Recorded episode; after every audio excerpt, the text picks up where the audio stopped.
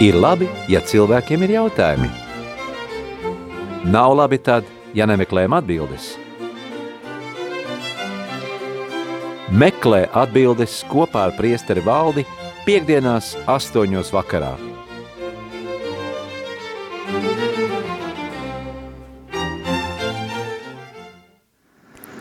Lai slavēts Jēzus Kristus! Mūžīgi mūžos! Mīļie rādījumi arī Latvijas klausītāji, ir astoņi vakarā un, kā jūs tikko dzirdējāt džinglā, ir raidījums Meklē atbildes kopā ar priesteri valdi. Atgādinu vēlreiz, ka šī raidījuma laikā jūs varat zvanīt un uzdot savu jautājumu priesterim valdim un zvanīt vajag uz numuru 67 969 131 vai arī sūtiet savu jautājumu īziņā uz numuru 266 77 272 vai arī rakstiet ēpastu studija at rml.lv. Priesteri Valdi, vai jums ir kādi jautājumi iesūtīti jau?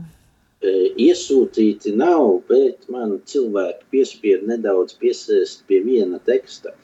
Bija jautājums par Mateja evaņģēliju 5. nodaļu un 39. pantu, Un tur ir tādi vārdi. Bet es jums saku, e, jums nebūs pretim stāvēt ļaunajam. Tas ir nepretojies ļaunajam, bet kas tev sit pa labo vajag, tam pagriez arī otru. Un klausītāji noteikti dzirdēja man atbildi, bet viņa nebija pietiekami izsmeļoša, neapmierināja līdz galam. Nu, Bet eh, nu, tāpēc es piesēdos un vienkārši atradu nelielu, nedaudz vairāk eh, tādu precīzāku iztirzājumu. Un, eh, atbildi ir tā pati, bet tur ir viena detaļa vēl nāk klāt. Pies, lasot svētos rakstus grieķu valodā, tur ir tāds vārds antistēnai. Un tas nav tikai nepretojies ļaunumam, tas nav, tas varbūt arī nereaģē agresīvi, nereaģē ar, ar tādu nežēlību, neatbildi ļaunumam. Un tas ir tas pats, ko es teicu, kad vislabākais komentārs šim fragmentam ir tā, eh, kad Jēzus ir pie virspriestera un viņam arī tas eh, virspriestera kalps sit, Un Jēzus saka, kāpēc tu man sities pareizi pateicies, nepareizi pateicies, tad pasaka, kur, ja? Tad e, tas ir viena daļa, un otra daļa šim te komentāram ir, mēs viņu varam uztvert arī kā hiperbolu. Hiperbola, tas nozīmē, ka autors, evaņģēlists kaut ko tīšām pārspīlē, lai pasvītrotu kādu detaļu teiksim, Jēzus arī saka, ja tava labā roka tev ir par apgrēcību, nocer to, labāk iet ar vienu roku debesu valstībā nekā ar abām rokām tikt iemestam ellē, vismaz tā latviskais tulkojums. Un tas pats ir arī, ja tava kāja vai acs, ja, izrauj to. Un tas ir, tāpēc Jēzus arī šeit mēs varam saprast, ka Jēzus saka ne tikai pagriezt otru, bet nereaģē ar tādu ļaunumu, neatbild ar tādu ļaunumu, ar kādu izturas pret tevi. Tā ir viena interpretācija. Un vēl ir viena cita interpretācija, ka, ja, ja kāds tev sit pa labo vaigu, ja kāds, ja mēs tā iedziļināmies, sist pa labo vaigu, ja es man pretim stāvošajam sistu ar labo roku pārsvarā sitam, tad es viņam varētu trāpīt par tā pretim stāvošā kreiso vaigu. Un te runa ir, kad austrumu, tuvajos austrumos tas ir vislielākais pazemojums, kad tiek sists ar plaukstu, apgriezto plaukstu ar otru pusi. Un te runa ir par pazemošanu. Ne tik daudz par to, ka lai nepretotos ļaunumam. Un tad komentāristi, biblisti arī skaidro par to, ja tas ļaunums notiek, tas ir tā kā, kā būtu runa jau par pirmajām baznīcas vajāšanām, kad e, viņiem nebūs iespēja prasīt taisnību e, netaisnīgas tiesas priekšā.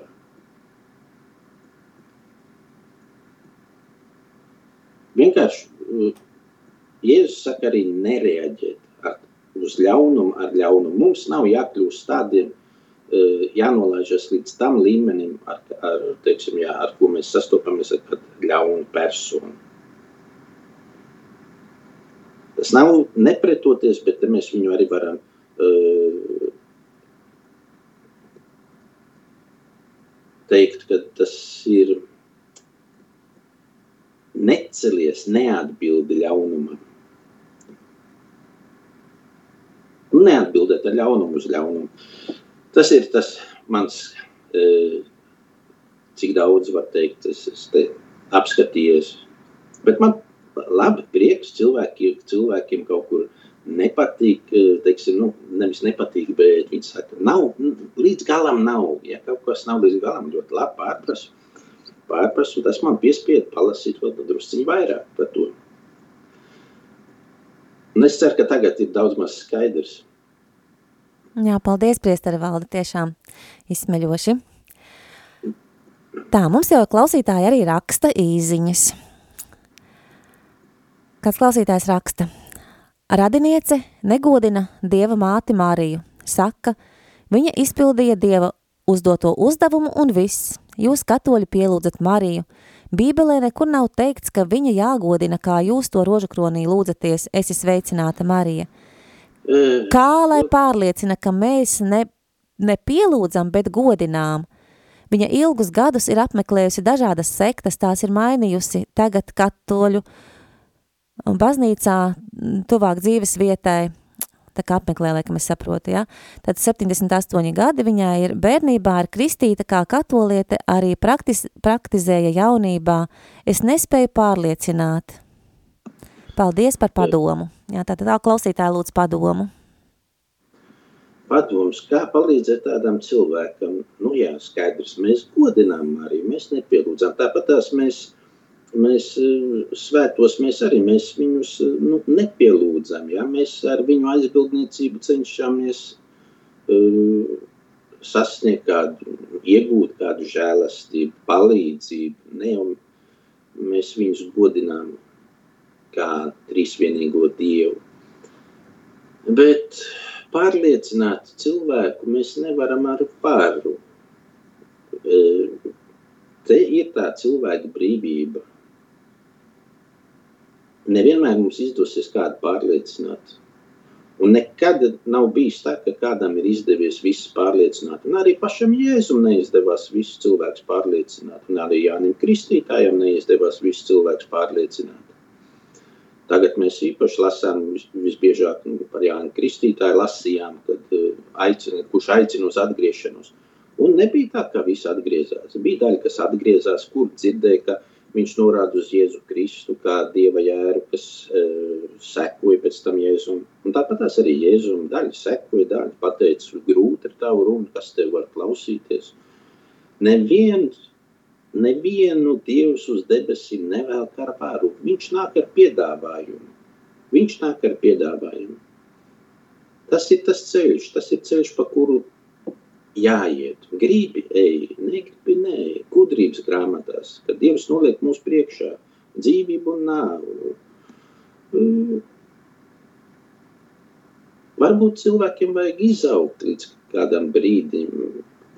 Varbūt tas atgriešanās laiks vai tā apgaismība, katram varbūt savādāk.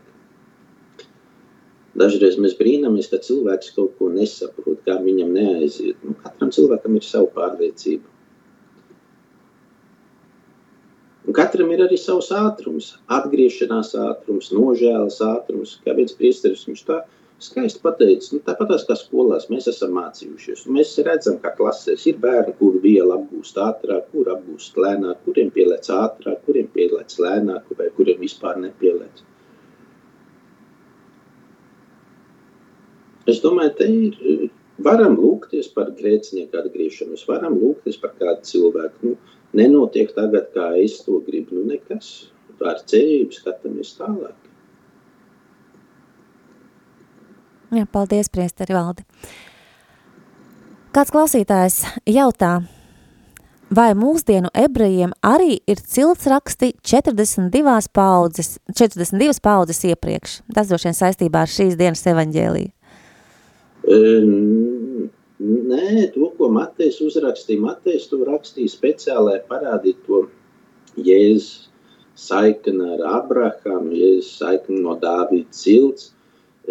Vecajā derībā mums ir tie toledot tās cilmes, tās grāmatas, raksti. Viņiem bija ļoti svarīgi zināt savu, savu to uh, senču, to ciltskoku. Un kādreiz tas ebrejiem nozīmē to, ka ja viņš zina, viņš zina, pie kuras cilts viņš pieder, viņš pieder pie apsolītās, uh, pie izredzētās tautas. Par šodien vai šodienas ebrejiem tas ir svarīgi. To es nemācīšu pateikt. Tur jārunā ar viņiem. Bet gan jau viņi arī nu, kaut kur meklē pie kādas cilts vai kas tur. Bet mm, uz doto brīdi es nevaru pateikt. Bija kādreiz bija tā, tā rabīna, bija tikšanās, bet, bet man neienāca prātā tādu jautājumu uzdot. Nu, interesants. Bet to varbūt var pameklēt kaut kur. Jā, paldies klausītājiem par šo jautājumu. Bet kāds vēl klausītājs jautā, sakiet lūdzu, kā ir ar tiem, kuri ir izdarījuši pašnāvību, vai var viņiem izlūgt dieva apžēlošanu? Te mums ir jāizšķir, teiksim, uh, objektīvi. Mēs zinām, ka uh, Nogalināt tas ir nāvīgs grēks. Atņemt sev dzīvību, tas ir nāvīgs grēks. Tā ir rakstīts bauš, baušļos. Nu, tev nebūs nokauta. Bet katrs gadījums ir eh, atsevišķs. Mēs nezinām, kādā situācijā ir bijis tas cilvēks. Tas nevis, lai viņu attaisno, bet, bet cilvēkam dabīgi ir tas, kā tāpat kā dzīvniekam instinktīvi, viņš cenšas savu dzīvību saglābt sargāt, izglābt. Viņš izvairās no kaut kā bīstama, kas varētu apdraudēt viņa dzīvību. Tas ir normāls stāvoklis. Un, ja ir tāds nenormāls stāvoklis, mēs nezinām, kas notiek tā cilvēka psihē, galvā, sirdī, kas, ko viņš pārdzīvo. Afekta stāvoklī cilvēks viņš var arī neapzināties, ko viņš dara. Ir jau mums bijusi runa arī šajā e, raidījumā par, par pašnāvībām un Mēs varam lūgties, mēs nezinām, vai mēs izlūgsim eh, viņam mūžīgo dzīvi. To mēs uzzināsim debesīs. Bet mēs nekad nevaram pateikt, ka tas cilvēks noteikti ir vai nu, eh, ka viņš ir pazudināts vai, vai ka viņš ir de debesīs. Kamēr baznīca teiksim, nav kanonizējusi kādu cilvēku, mēs nevaram pateikt, ka kāds ir debesīs vai nav debesīs. Bet lūgties mēs vienmēr varam. Mēs arī mēs pat uh, saviem tuviniekiem par radiem mēs lūdzamies visu cauru gadu, un īpaši tad, kad mēs pieminam visu ticīgo mirušo dienu, visu svēto dienu, visu novembra mēnesi, mēs lūdzamies par saviem senčiem, cerot, ka viņi, jā, gadījumā, kas varbūt viņiem vajag šķīstītavā palīdzēt ar mūsu lūkšanā. Varbūt arī ir cilvēki, kur iesaka, nu, pat lūdz, lai nosvin svēto misi par, par tiem, par kuriem neviens nelūdzas, par dvēselēm tā saka, par dvēselēm šķīstītavā. Bet vai konkrēti pateikt, kurš cilvēks ir debesis, kurš ir ellē, mēs, mēs to nevaram pateikt arī, nu, ja, ja kāds pat mums šķietam liekas, viņš ir nomiris nāvīgā grēkā, mēs nezinām. To tikai Dievs zina. Patiesu dvēseles stāvoklis un tikai Dievs. Mēs pat paši savu dvēseles stāvokli līdz galam nezinām. Mums var likties, ka mēs esam viss kārtībā, bet Dievam var kaut kas nepatikt mūsos. Jā, paldies, priestara valde, par atbildi. Un kāds klausītājs raksta, labs vakars, slavēts Kristus. Paldies par, paldies par kalpošanu cilvēkiem. Pirmais jautājums.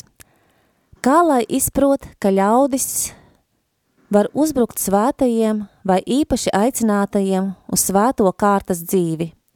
Piemēram, klostermāsa Elēna Alio, kurai bija stigmas septiņu gadu vecumā pirms svētās komunijas pieņemšanas cieta autoavārijā, kurā izcita visus zobus.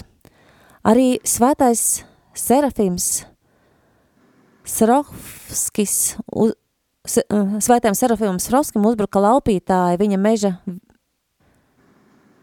vien, um, viņa viernieku cellē, domādami, ka tur atradīs paslāptu zeltu, jo pie svētā nāca cilvēki pēc padomiem un nesa ēdienu.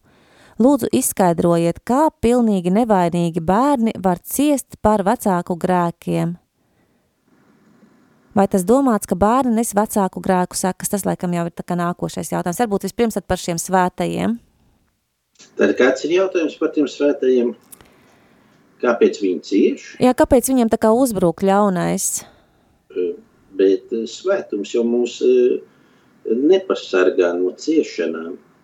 Tā jau Jēzus arī nebūtu ciets. Jēzus ir trīs, trīsvienīgā Dieva persona un apskaties, ka viņi paņēma un piesita vēl krustā. Svētums nesargā no ciešanām.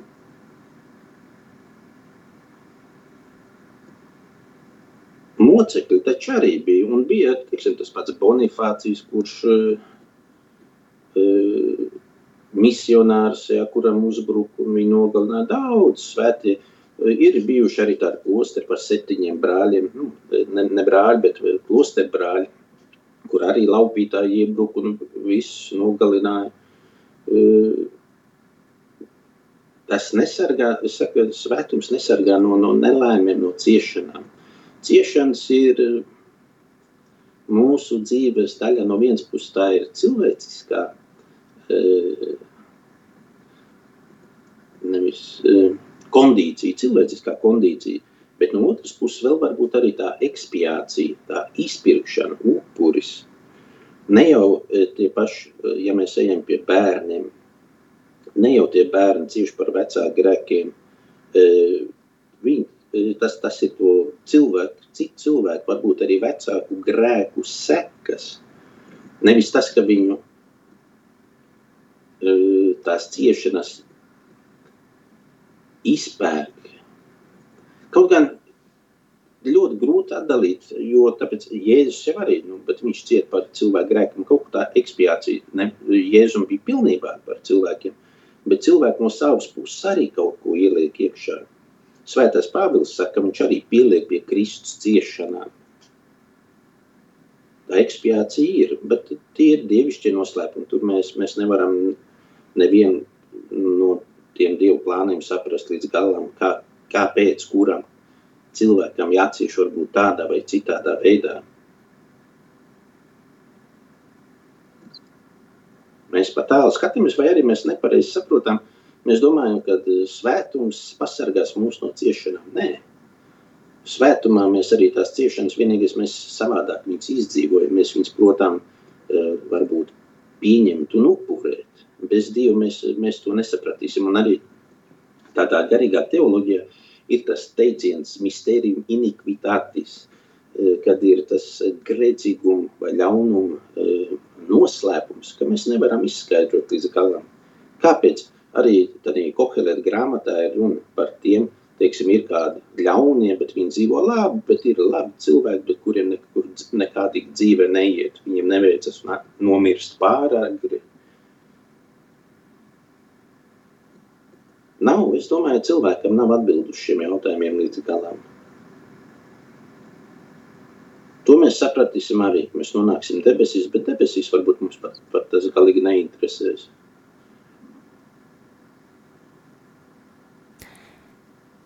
Jā, paldies! Es domāju, ka mēs esam pelnījuši doties muzikālā pauzē, lai nedaudz atpūstos un lai klausītāji uzrakstītu mums, atsūtītu vēl savus jautājumus. Un tagad, lai skan dziesma, skaistākā patiesība.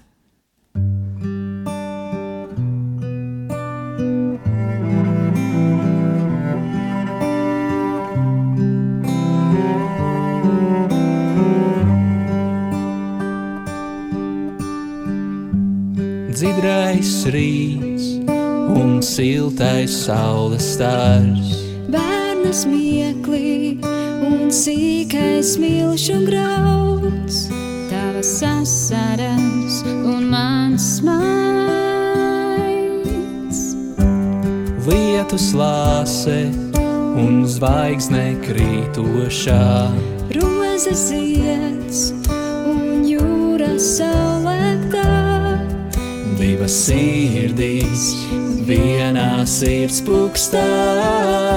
Vai kaut kas skaists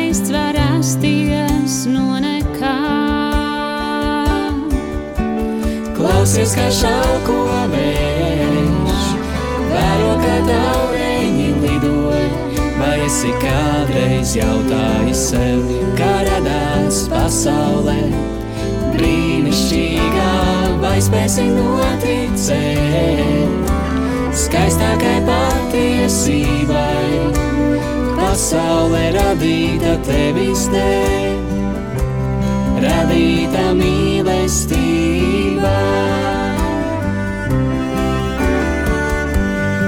Tas, ko redzi, dzirdi, sajūti, Tas, ko dari, klausot sirds balsī, vai nav brīnums liels un neparasts, tik neizprotams, skaists un pārdomāts.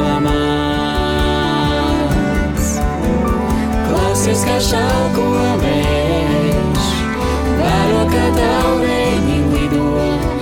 esi kādreiz jautājis sev, kā radās pasaulē? Brīnišķīgā, vai spēsi noticēt, skaistākai patiesībai?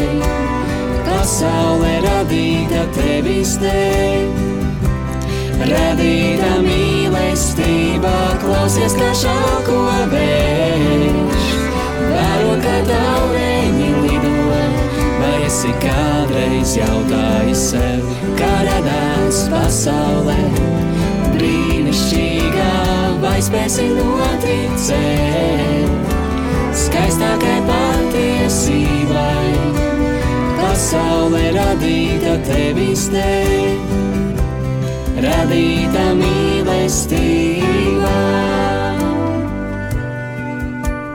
Dievs visu radīs tevis dēļ, liela mīlestība.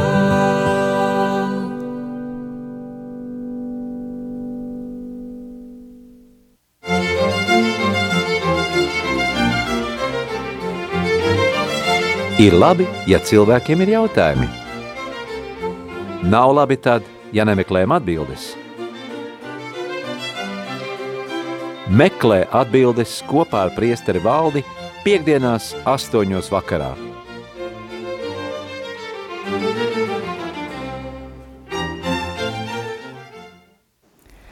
Esam atpakaļ ēterā, un šī, šīs muzikālās pauzes laikā mēs saņēmām arī īziņu, un klausītāji, kas uzdev šo jautājumu par um, šiem svētajiem, tā kā lūdzu izlabot uzvārdu klostermāsa Elēna Aiello. Ļoti interesants stāsts par viņu atrodams YouTube, tā ka varbūt arī citiem, ja interesē, tad var pameklēt un uh, palasīt un paklausīties.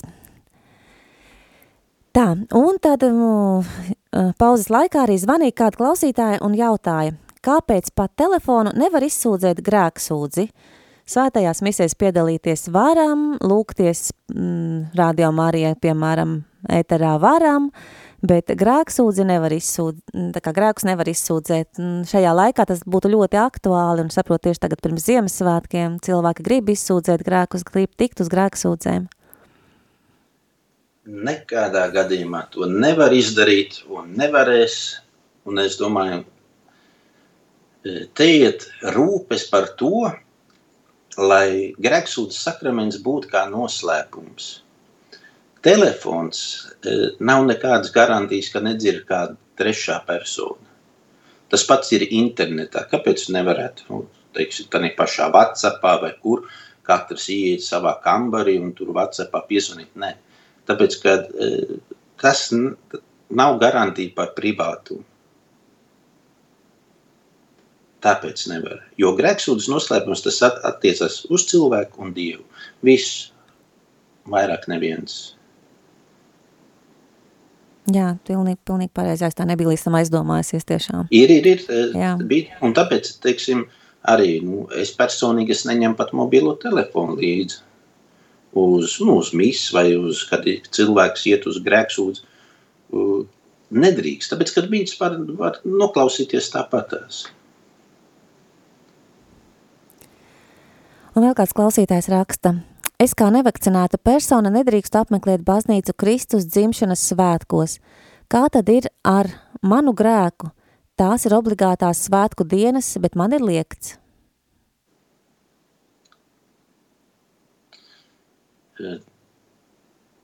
Te ir nu, jādomā, kāds risinājums teiksim, tiem, par to, lai domā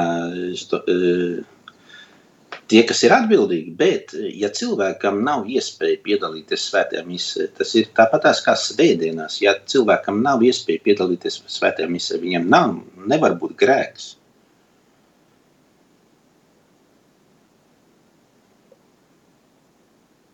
Es domāju, vienkārši. Tad tas Atbildēs. nav grēks, jā. Ja nav iespēja, ja cilvēks nevar piedalīties svētajā misē, viņš nepiedalās, nebūs grēks. Ja viņš var piedalīties un nepiedalās, tas būs grēks.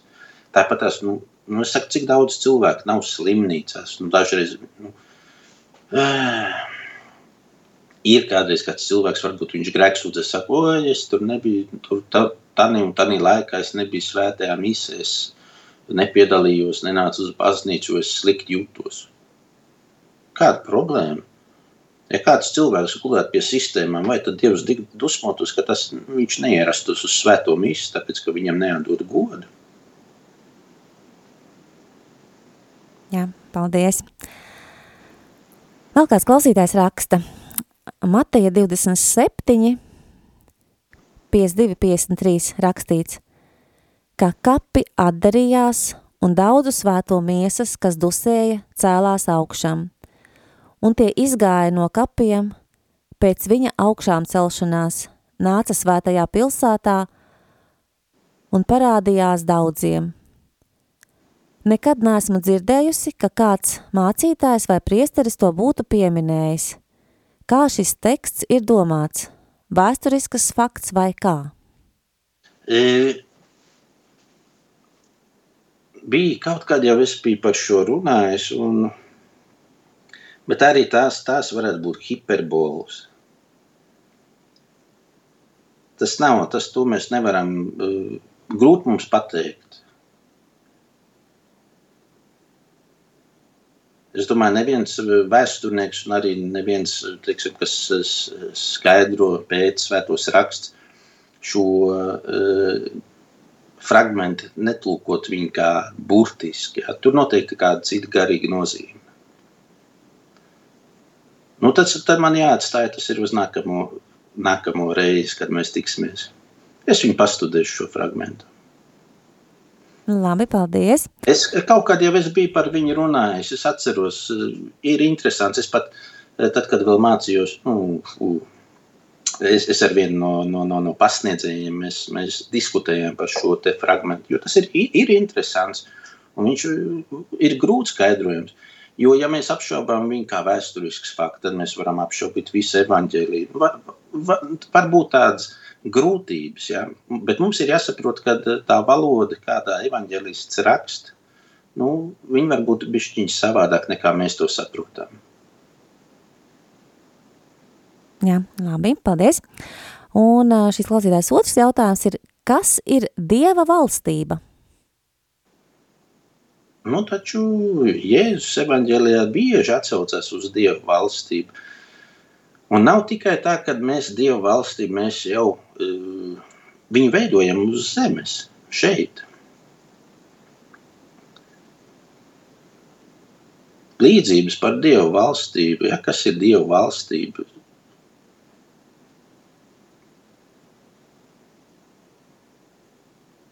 Baznīca, kur dzīvo viss dzīvo ar evaņģēliju, pēc evaņģēlija, saskaņā ar evaņģēliju. Ja? Tur, kur ir Dievs, ja es pats saku, kur ir divi vai trīs manā vārdā, tur es esmu viņu vidū. Valstība, kurā dzīvo pēc Dieva likumiem, lai nāk tava valstība, tavs prāts, lai notiek kā debesīs, tā arī virs zemes.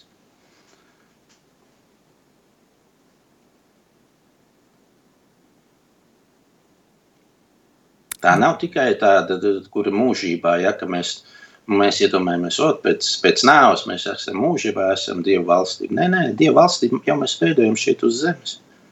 Viena baznīca arī svēto sadraudzība, gan tie, kas jau ir mūžībā, gan tie, kas ir šeit, kas veido baznīcu, vienu miesu.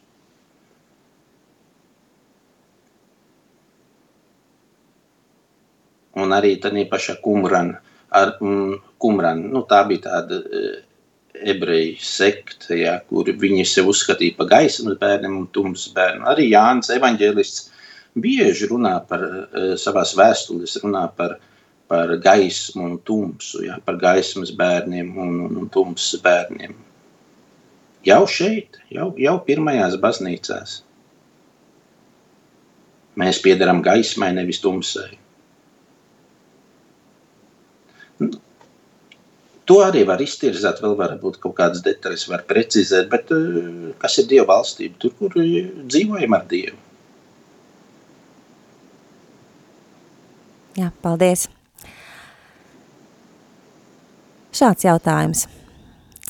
Dažās lūkšanās gods lai ir tēvam, dēlam un svētajam garam, un dažās gods lai ir tēvam un dēlam un svētajam garam. Vai ir kāda nozīme saistošajam un? Nu, es domāju, tur visur ir un, a, kur, kur, kur nu, varbūt kāda druks kļūda vai kā. Un šitā te lūkšana gods vai tēvam dēlam svētajam garam, tā nāk no 4. gadsimta. Ir vēsturnieki, kurš šo lūkšanu pierakst uh, Damāzijām, pāvestam Damāzijām. Un uh, jāskatās, Ir jābūt vismaz latīņu valodā, ir un glorijā. Tātad ir jābūt šim un, varbūt tiešām kaut kur ir izlaists. Nē, bet ir arī lūkšana grāmatās, dažreiz ir varbūt kaut kādas kļūdas, druks kļūdas, cilvēciskais faktors, tā kā uh, arī gramatiski. Kā tas no iesākuma ir bijis tā tagad un vienmēr un mūžīgi mūžos vai mūžīgi mūžam, ja? Jā. Ir arī šie divi veidi, Un es vienīgi domāju, tā no gramatiskās puses, mūžīgi mūžos, tas būtu kā lokatīvs. Ja? Mūžīgi mūžam tas ir kam, e, datīvs, kam. Nu, neloģiski tas mūžam, mūžīgi mūžos. Nu, tas ir man, mans subjektīvais viedoklis, bet arī par šo te mēs varam nu, vienkārši diskutēt, varbūt nonākt pie kaut kāda kopsaucēja vai, vai, vai arī atstāt to tādā pašplūsmā, kas, kas nemaz nu, tā īstenībā no vienas puses jēga nemaina, bet tad, kad notiek tādas publiskās lūkšanas, kur nu, e, vairāk cilvēku kopā lūdzas, tad tās nobeigums ir dažāds. Tad, tā, tā, kas saka, kakofonija, tāda e, dažādas tādas galotnes beigās. Nu, bet es domāju, tas, e, ja nemainās jēga, tad nu, varam ja nemainās jēga, nu, tad varam nu, paskatīties, nu, kā būtu pareizāk. Ja. Viss, bet tur taisīt kārs, strīdēties, pierādīt savu patiesību. Priekškam. Es tas tā kā kuram ir iemācīts, kā bērnībā mācīja, tā viņš arī paliek, un tad vai grūti ir pārmācīties. Un, un tad arī tādā pašā izsveicinātā Mārija žēlstības pilnā kungs ir ar tevīm, tevīm. Nu, tevi. Nu, Nu, nu, nu, ir, nu, tāpēc es saku, ka nu, dažādi nu, dialektos un nepareizi iemācās. Un, un, un, un, un, un, visādi, visādi nu, interesanti gadījumi ir. Es varētu vēl pastāstīt, bet tie ir poļu valodā. Tā kā, nu, nu, veidojas folklors, jā, veidojas tāds folklors, ka cilvēki viņi tā ir iemācījušies, nu, neiedziļinās līdz galam, kā būtu pareizi. Jā. Jā, paldies. Un tātad gods lai ir tēvam un dēlam un svētajam garam. Tā būs tad pareizi. Tā, mums ir vēl viens šāds jautājums. Kā pieaugt mīlestībā uz Dievu un tuvāko? Nu, evaņģēlijā viss ir pateikt, dzīvot pēc evaņģēlija, cīnīties ar savu egoismu.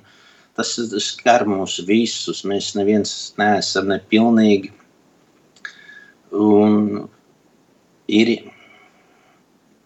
tas notiek ar laiku, tas nav uzreiz. Cik bieži mēs pārkāpjam sev pāri. Jā. tas, e, mīlēt tuvāko, mīlēt Dievu, tas nozīmē pārkāpt sev pāri. Mīlestība sākās tur, kur beidzas pienākums.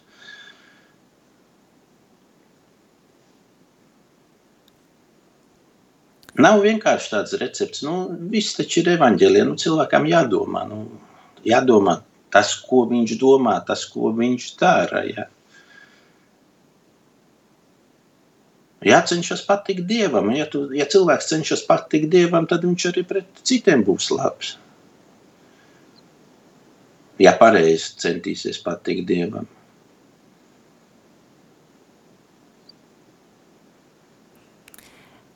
Jā, kāds klausītājs vēl ir uzrakstījis par šo, ko mēs nu patās runājām, par nevakcinēto piedalīšanos svētajā misē un iesaka paklausīties rādio Marija 8. decembra vakara raidījumu, raidījumu atkārtojumu ar bīskapu Andri Kravali, kur pie sarunas beigām tika pateikts ļoti labas lietas pār nevakcinēto aizliegumu apmeklēt baznīcu.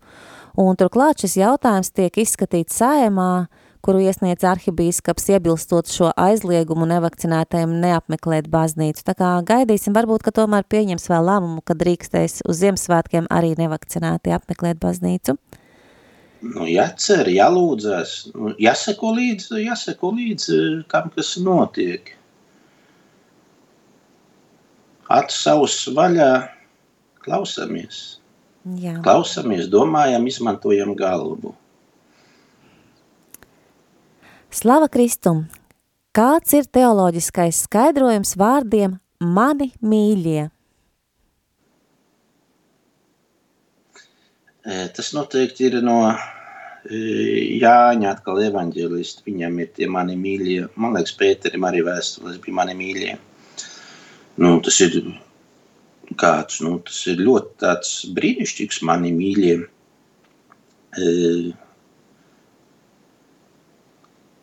Tas nozīmē, ka ganam viņam rūp tās avis, par kurām, kurām viņš raksta. Nu, ja tas ir, protams, no sirds, ja, var, jau, var jau izmantot dažādus veidos tos vārdus. Mēs mīlēt, mēs arī varam izmantot dažādi, kā mēs to saprotam, bet mani mīļie, nu, ja es pareizi domāju, nu, svētais Pēters, svētais Jānis evaņģelists, tad viņi ar tādām rūpēm mīlēt, mīlēt tas arī, kad viņiem rūp tas, ka tie cilvēki, kur viņiem ir uzticēti, ka viņi tiek pestīti. Ja? Un tas īstenībā pats galvenais mūsu mērķis. Mums ir šeit tuvāk tādi mērķi uz zemes, nezinu, pildīt savus pienākumus, kam tur dibināt ģimeni, kam tur uh, sludināt. Bet galvenais, pēdējais mērķis, galvenais mērķis mums ir debesis. Un mums šeit ir jādara viss tādā veidā, lai mēs nonāktu, lai mēs varētu nu, nokļūt debesīs. Un tā, tāpēc arī e, tās rūpes no tiem ganiem par savām avīm, nu, tas norāda uz to, ka viņiem ir tā, tāda atbildības sajūta. Un, un, un tā ir mīlestība. Tā jau ir mīlestības pazīme, kad kāds grib to pašu cēlāko, pašu augstāko mērķi saviem kas uzticētu viņam. Jā, paldies! Pulkstens ir jau gandrīz bez 20 minūtēm, 9 vakarā. Dosimies tagad nelielā muzikālā pauzē, varbūt vēl kāds klausītājs vēlas uzdot kādu jautājumu šī vakarā. Un šobrīd, lai skan dziesma, gaismu svinēsim mēs. Thank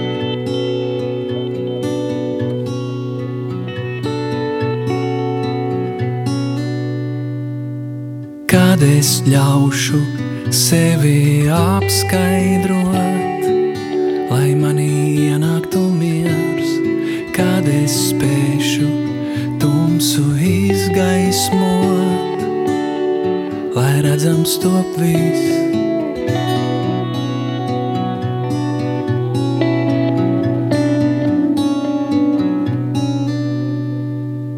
Kad es spēšu skumjos ielīgsmot, lai viņos ielītu prieks, kad es spēšu vājos stiprināt un spēku tiem dot, kad es spēšu tumsu izgāt. izgaismo.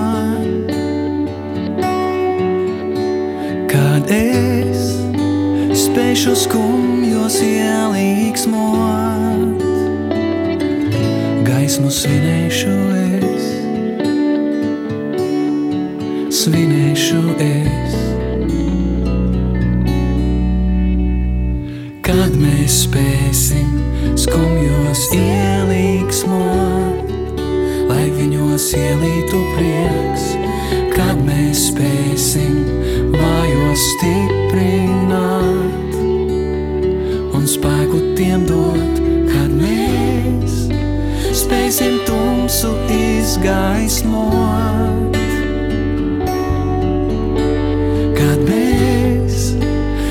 Spēsim skumjos ielīgsmot, gaismu svinēsim mēs, gaismu svinēsim mēs, gaismu svinēsim mēs, mm, svinēsim mēs.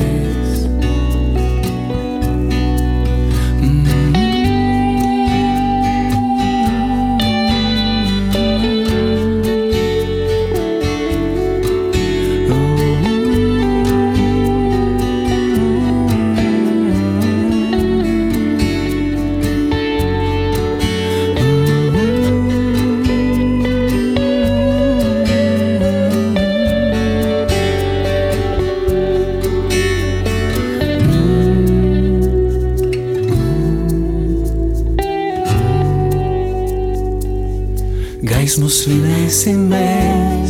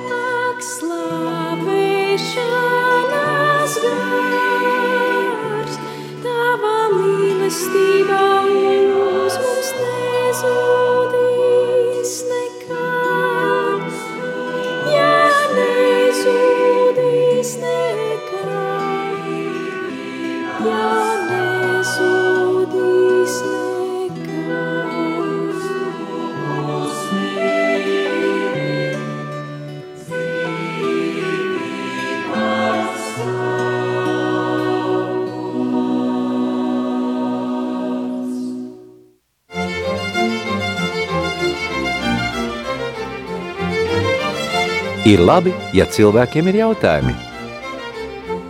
Nav labi tad, ja nemeklējam atbildes.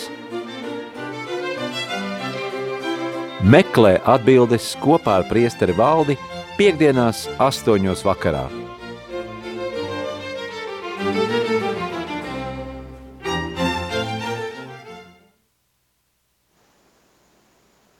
Esam atpakaļ ēterā. Pulkstens jau ir bez 15 minūtēm 9 vakarā. Un uh, muzikālās pauzes laikā vēl piezvanīja kāda klausītāja un uzdeva jautājumu, kas tā, ka mums jau ir arī iepriekš atbildēts, bet nu, tomēr, ja klausītāji vēlas zināt šo atbildi, tad es uzdošu vēlreiz šo jautājumu. Tātad uh, klausītāja zvanīja un teica, nesaprotu, Kāpēc mēs katoļi ēdam tikai miesu, jo Jēzus teica, kas ēdīs manu miesu un dzers asinis, jo pareisticīgajiem ir, ka ir gan, tātad pieņem, gan maizes, gan vīna veidā sakramentu. Tā kā priesteri valdi lūdzu. Nu, tas ir praktiski apsvērumu dēļ, un pilnīgi pietiek, kad uh, saņemot vienu no, no, no tām Eh, matērijām, teiksim, saņem abas. Nu, miesa un asins viņas ir nedalāmas savā ziņā. Par šo nu, ir jau patiešām ir, ir runāts, un e, mēs atbildam šo jautājumu tādā veidā, nu, ka ir, tā ir pieņemta baznīcā, un tā tiek arī turpināts darīt.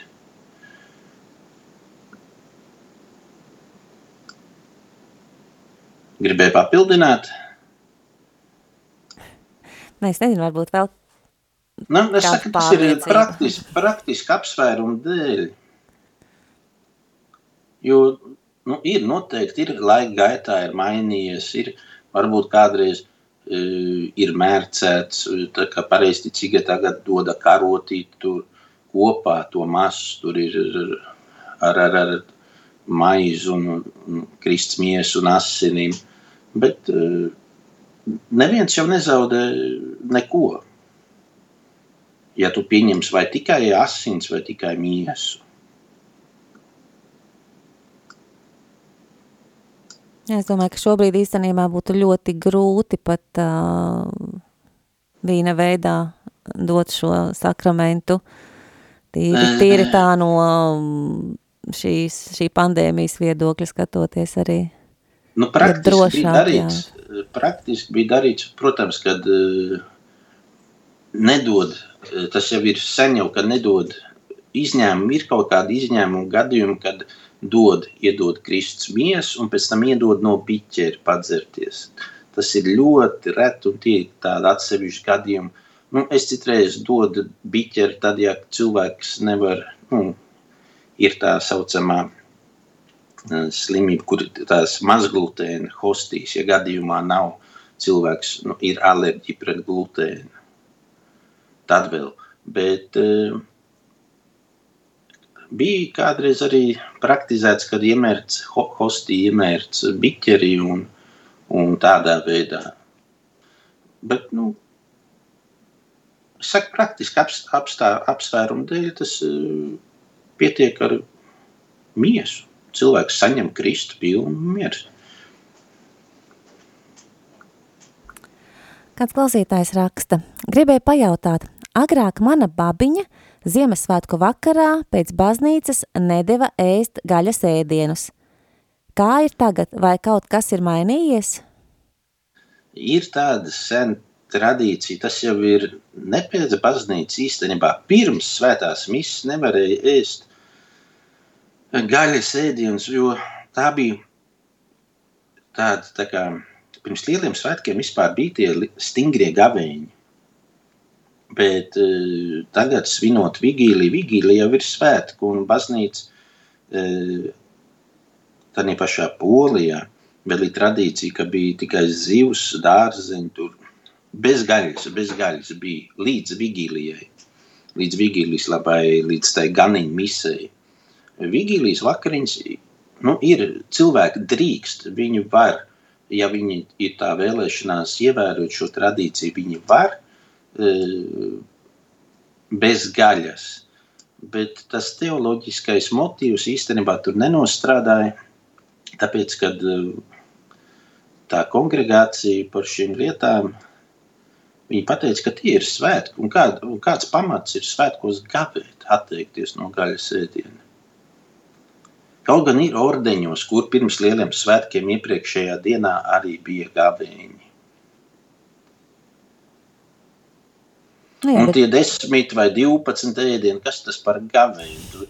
Vai nu tu piešķopē sev ar, ar, ar, ar kartupeļiem vai, vai, vai, vai zivīm, nevis ar gaļu.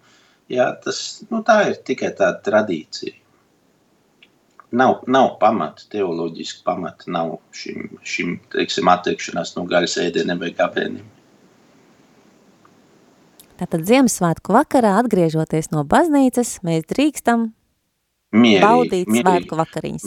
Vēl jau vairāk kā pēc, jo ir jau kā pēc baznīcas, nevis eh, pirms. Eh, Nav pareizi, ka pirms eh, pēc baznīcas nevarēja ēst gaļu. Tāpat arī lieldienās, ja, tad, kad mēs, mēs gavējam vai, vai atturamies pirms svētās misijas, pēc svētās misijas vai pēc tās nakts vigīlijas vai Kristus rezurekcijas misijas, mēs ja- jau svinam svētkus. Tieši pēc svētās misijas īstenībā vajadzētu, ne, nu, nevis vajadzētu, bet eh, nav pamata, ja, neēst gaļu. Tad babiņa kaut ko nepareizi atcerējusies no savas bērnības. Un ir, tas arī var būt, ka mēs, eh, kā viena psiholoģija mums stāstīja, ka cilvēkiem atmiņa var pievilt. Mēs lietas atceramies savādāk, tad, kad mēs esam bijuši kaut kur bērnībā, mēs kaut ko esam redzējuši, vai mēs esam kaut ko dzirdējuši. Mēs to atceramies uh, savādāk. Tad pat tās pašas dziesmas, kas mums varbūt kādreiz bērnībā ļoti patīk, ja mēs paklausāmies pēc gadiem 20, 30, viņas skan savādāk. Vienīgā jūta maņa, kas cilvēkam eh, bija nekļūdīga, tā bija oža kas smaržas it kā atceries. Nu, vismaz tas ir no psihologa viedokļa. To es atceros no lekcijām. Bet uh, atmiņā var, var cilvēku piebilst. Cilvēkam atmiņā nu, viņš var kļūdīties. Un tāpat es domāju, šī gadījumā bābiņa arī. Nu, Bet var jau būt, ka arī tā arī viņa darīja. Tas jau, E, es domāju, vi- katrā vietā var būt savādāk. Nu, kā kurš cilvēks arī kļūst uztvērt to. E, nu, ir šis, nu, es saku, ir tās vigīlijas vakariņas bez gaļas, viņas bija līdz svētē, līdz tai pusnakts misei, jo ē, ēda vakariņas, un pēc tam gāja uz svēto misu, un tās vakariņas bija bez gaļas, bet pēc, pēc svētās misas jau pēc pusnakts jau gaļa varēja ēst, un tas pats arī ir lielā sestdiena, Jā, nu, loģika.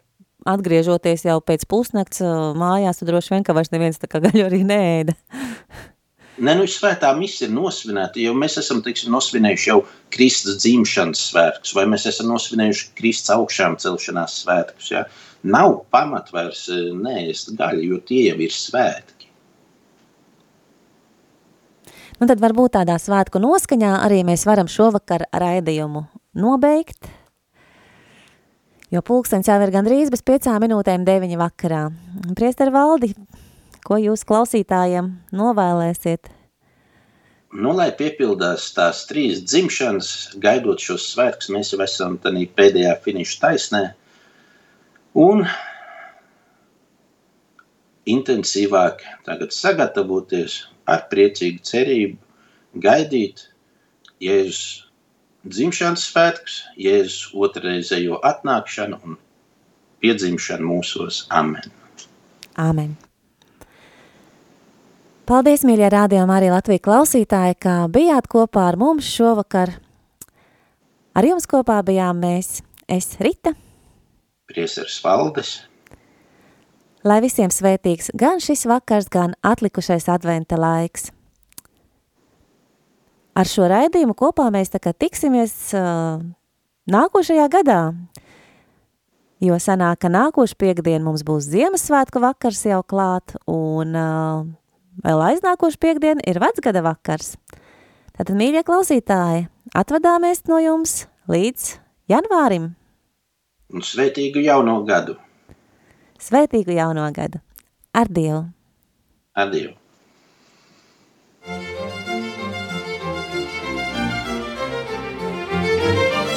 Ir labi, ja cilvēkiem ir jautājumi.